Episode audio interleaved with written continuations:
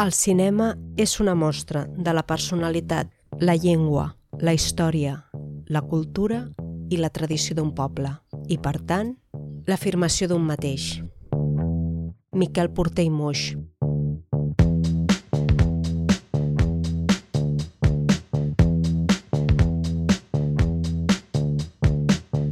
En l'anterior episodi, amb l'arribada del cinema a l'estat espanyol, Barcelona va convertir-se en un autèntic plató de cinema. D'aquell període en destaquen un munt de persones rellevants. Fructuós Gelabert, Segundo de Chomón o Albert Marro. I tres de les productores més grans del moment, Hispanofilms, Estudio Films i la Barcinógrafo. Amb l'arribada de la Segona República i la instauració de la Generalitat i, sobretot, l'arribada del cinema sonor, el cinema fet a Catalunya segueix tenint un paper molt important. Un paper que preveia un futur molt prometedor. Malauradament, aquell somni va quedar trencat per l'esclat de la Guerra Civil. El cinema català podrà recuperar aquest paper i aquest futur prometedor que tenia als anys 30? Ara ho descobrirem. Llums, càmera, acció.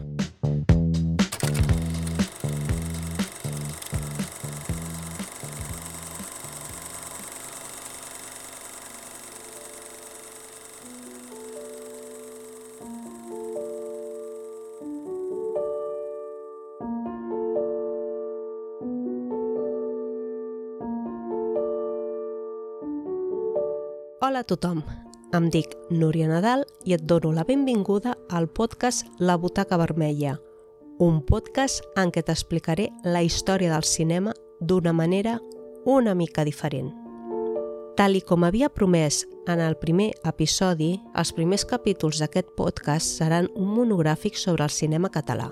I crec que val la pena que els primers siguin una aproximació general sobre el tema. Així que, aquest episodi el dedicaré a continuar el breu resum sobre el cinema català al llarg dels seus primers 100 anys d'història. En aquest capítol, en concret, parlaré del període de postguerra fins a la transició. En aquest capítol sortiran noms de pel·lícules i també de professionals del sector. Ja d'entrada t'aviso que m'hagués agradat mencionar-ne molts més, però en tenir una limitació d'uns 20 minuts i escaig per episodi he fet una selecció d'ells. Possiblement els seus noms no siguin massa coneguts, però t'asseguro que cada una de les persones que menciono ha tingut un paper molt important en el desenvolupament del cinema al nostre país. I abans de continuar, una última apreciació, o més aviat una aclaració. Què s'entén per cinema català? Doncs bàsicament el cinema dirigit o produït a Catalunya, sense tenir en compte la temàtica, el gènere o fins i tot la llengua en què s'ha rodat. Ara, havent explicat tot això, comencem.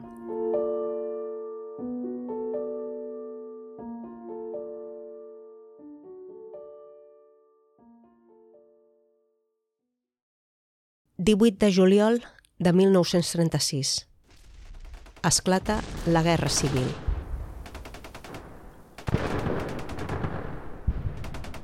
I el cinema català també queda ferit. De cop i volta, el gran desenvolupament que havia viscut el cinema sonor queda paralitzat. Fins a aquell moment, Barcelona seguia sent un dels punts més importants del cinema espanyol. Una de les productores més importants del moment, Orfea Films, s'havia instal·lat al Palau de la Química de Montjuïc. Els Orfea eren els primers equipaments professionals que permetien la realització de cinema sonor a Espanya. Una novetat que va permetre atraure a grans directors de cinema com Benito Perojo o José Bax a Barcelona.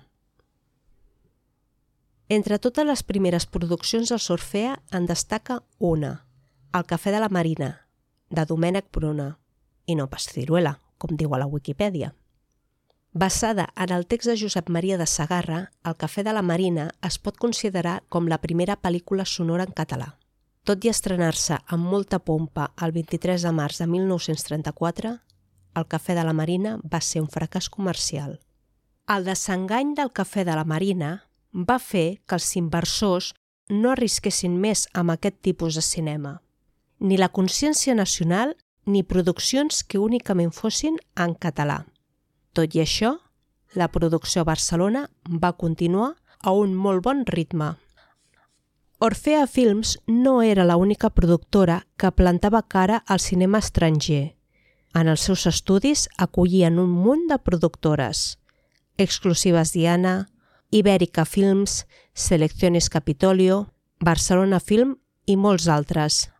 L'activitat a Montjuïc era frenètica. Orfea Films també va ser pionera en molts altres aspectes. Ara mateix m'agradaria destacar que Orfea Films va produir el primer film sonor de tota Espanya dirigit per una dona. Era El gato montés, de Rosario Pi. Amb l'arribada de la guerra, tot això va canviar.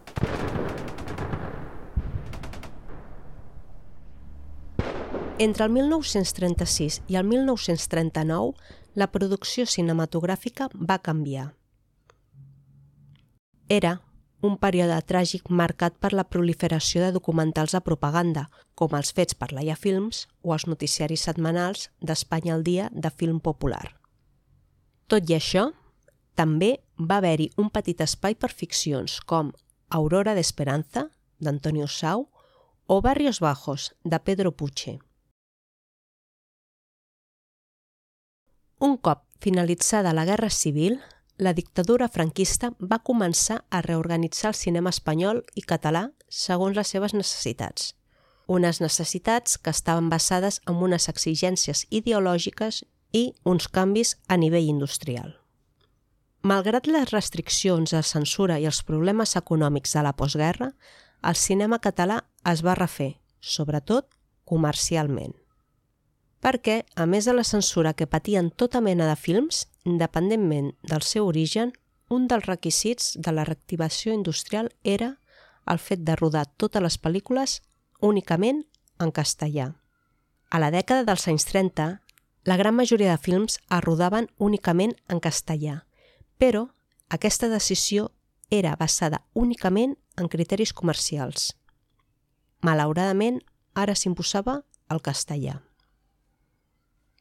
A més de la imposició de l'idioma, també va haver-hi canvis a nivell estructural en la producció. L'any 1944, davant de les 55 productores ubicades a Madrid, a Barcelona només n'existien 18. 20 anys abans, la producció cinematogràfica a Madrid era pràcticament inexistent. Tot i els entrebancs i problemes, el cinema fet a Barcelona intentava ser comercial – per poder amortitzar les seves produccions. Això va permetre l'aparició de nous cineastes com Manuel Blai, Joan Fortuny, Francesc Givert, Pere Pujades, Ramon Quadreny, Fèlix Apomés, Armand Sevill o Alejandro Ulloa. I, paral·lelament, la consolidació d'un cinema negre molt proper a l'esperit del cinema negre nord-americà. Títols com Apartado de Correos 1001 de Julio Salvador, Manos sucias de José Antonio de la Loma o Distrito Quinto de Julio Coy són uns grans exemples d'aquest cinema negre. Totes elles demostren una gran cura pels elements formals i socials, barrejats amb una clara consciència de cinema d'autor. En aquest període també hi trobem llargmetratges d'animació, amb dos títols molt importants, Garbancito de la Mancha i Érase una vez. Del primer, Garbancito de la Mancha, és un film del 1945 dirigit per Arturo Moreno. Produït per la barcelonina Valet i Blai, és el primer llargmetratge d'animació en color de tota Espanya i també de tota Europa. Del segon, Érase una vez, és una preciosa adaptació del conte de la Ventafocs de Charles Perrault. Produïda per Estela Films, va comptar amb la participació d'Alexandre Cirici Pellicer i del dibuixant José Escobar. Sí, el creador de Carpanta i dels bessons entremaliats Zipi i Zape.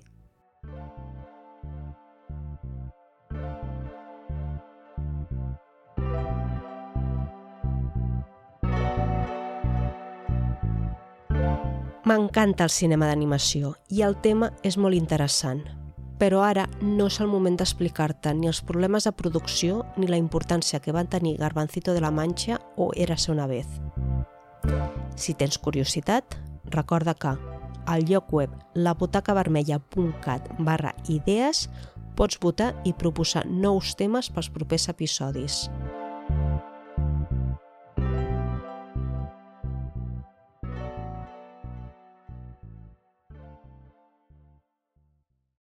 Dins d'aquest període de recuperació, també cal recordar a Ignacio Ferrer Siquino i els estudis Balcázar. Iquino era productor, guionista i realitzador independent, i a més tenia la seva pròpia productora, una de les més importants i actives a tota Espanya. Paral·lelament a totes aquestes activitats, també tenia els seus propis estudis, els estudis IFI, que estaven situats al Paral·lel, un local que ha acabat convertint-se en un supermercat. Entre la filmografia d'Iquino hi trobem més d'un centenar de títols de tota mena de gèneres.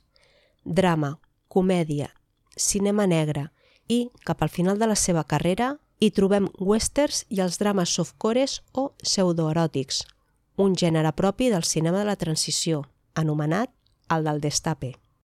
Gràcies a les produccions d'Iquino, Barcelona produeix més del 25% de cinema espanyol i, a més, té la distribució exclusiva d'alguna de les majors americanes.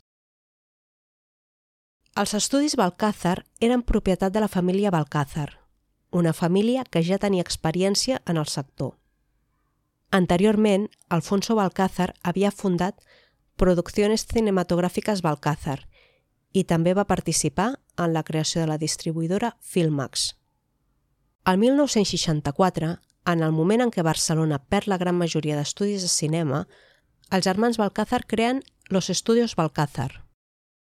Aquests estudis, situats a Esplugues de Llobregat, comptaven amb cinc platós diferents i diverses sales de muntatge i de producció.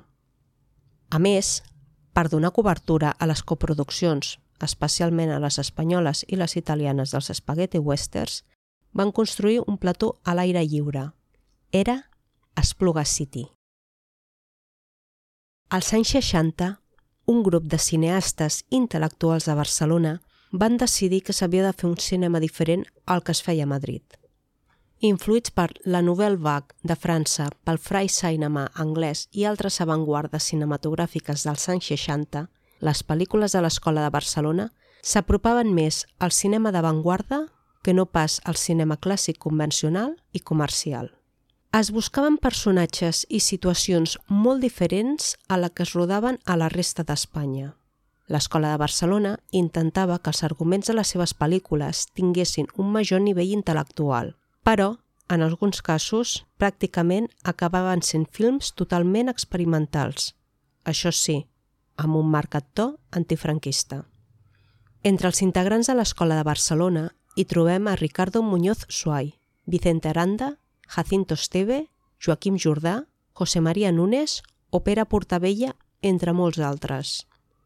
I no ens podem oblidar de les seves muses, tres models de gran bellesa, Serena Bergano, Romi, pseudònim de Carmen Romero, i Teresa Gimpera.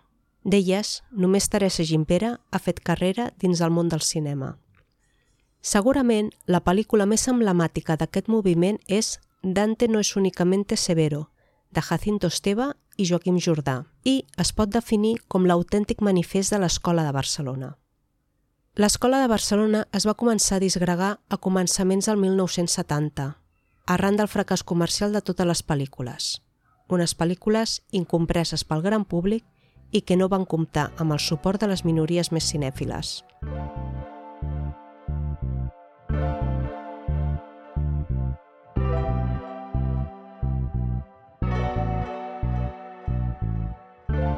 L'Escola de Barcelona es va posicionar com una resposta al tipus de cinema més comercial, folclòric i políticament correcte, malauradament, va ser un fracàs comercial.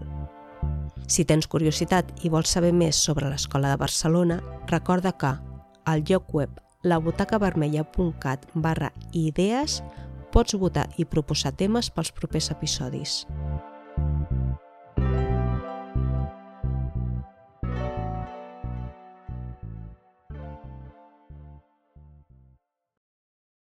La mort de Franco va suposar el començament de la recuperació dels valors i institucions democràtiques a l'estat espanyol, i especialment a Catalunya. Una realitat de la qual el cinema es fa ressò mitjançant la irrupció de noves sensibilitats creatives i polítiques. El cinema català començava a lluitar amb tres punts fonamentals per definir la seva personalitat artística. Primer, el dret a expressar-se en una llengua pròpia, el català, majoritàriament compresa i parlada pels habitants del Principat, però molt sovint rebutjada per motius comercials. Segon, la revifalla de la indústria cinematogràfica, una revifalla que ja havia començat en els anys 50 i 60. I, finalment, la recuperació de la memòria històrica, un orgull nacional reprimit durant el franquisme. Tot i així, no hi ha una clara unitat de criteris artístics, ni de gèneres, ni d'estils. D'entrada, hi ha una certa urgència per retrobar-se amb la història del país, per mitjà de films com La ciutat cremada, d'Antoni Ribas, o La plaça del Diamant, de Francesc Batriu. El cinema negre, que recupera una mica l'esperit del cinema dels anys 50, torna a estar de moda. De fet, Dins d'aquesta tendència apareixen un munt de pel·lícules al voltant de quinquis i delinqüents comuns dels barris més modestos a Barcelona. Un exemple de tot això són els títols de José Antonio de la Loma. Títols com Perros callejeros o Yo el vaquilla i la resta de títols de la saga es fan ressò del problema de la seguretat ciutadana durant la transició. En ells mig es pot entreveure una petita crítica cap a polítics, policies o jutges, però no hi ha cap mena de reflexió, només la glorificació del delinqüent com a víctima de la societat. En aquest punt també hi ha espai pels documentals, com el de la nova cançó de Francesc Baimunt o Ocanya, retrat intermitent d'Aventura Pons. I, amb l'arribada de la democràcia, també hi ha espai pel trencament dels tabús sexuals.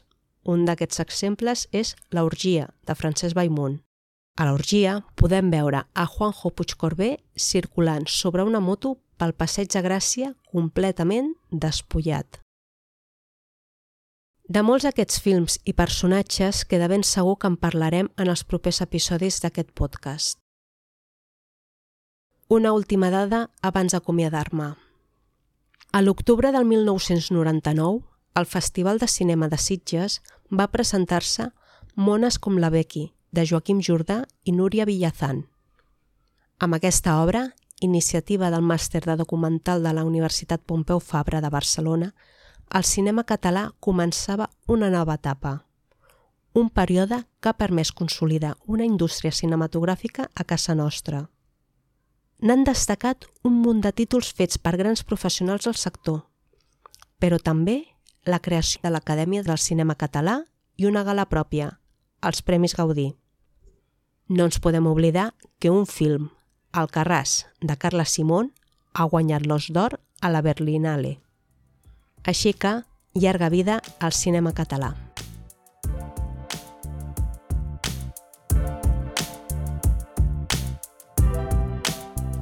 I fins aquí aquest episodi de la Butaca Vermella, en què he fet un breu resum sobre la història del cinema a Catalunya. Com us vaig avançar, era molt complicat resumir en poc més de 20 minuts més de 100 anys de cinema. Espero que hagi estat interessant. Si t'ha agradat, no t'oblides de marcar amb 5 estrelles o la màxima valoració a Spotify o a la plataforma en què estiguis escoltant aquest episodi. Moltes gràcies per escoltar-me i per estar a l'altra banda.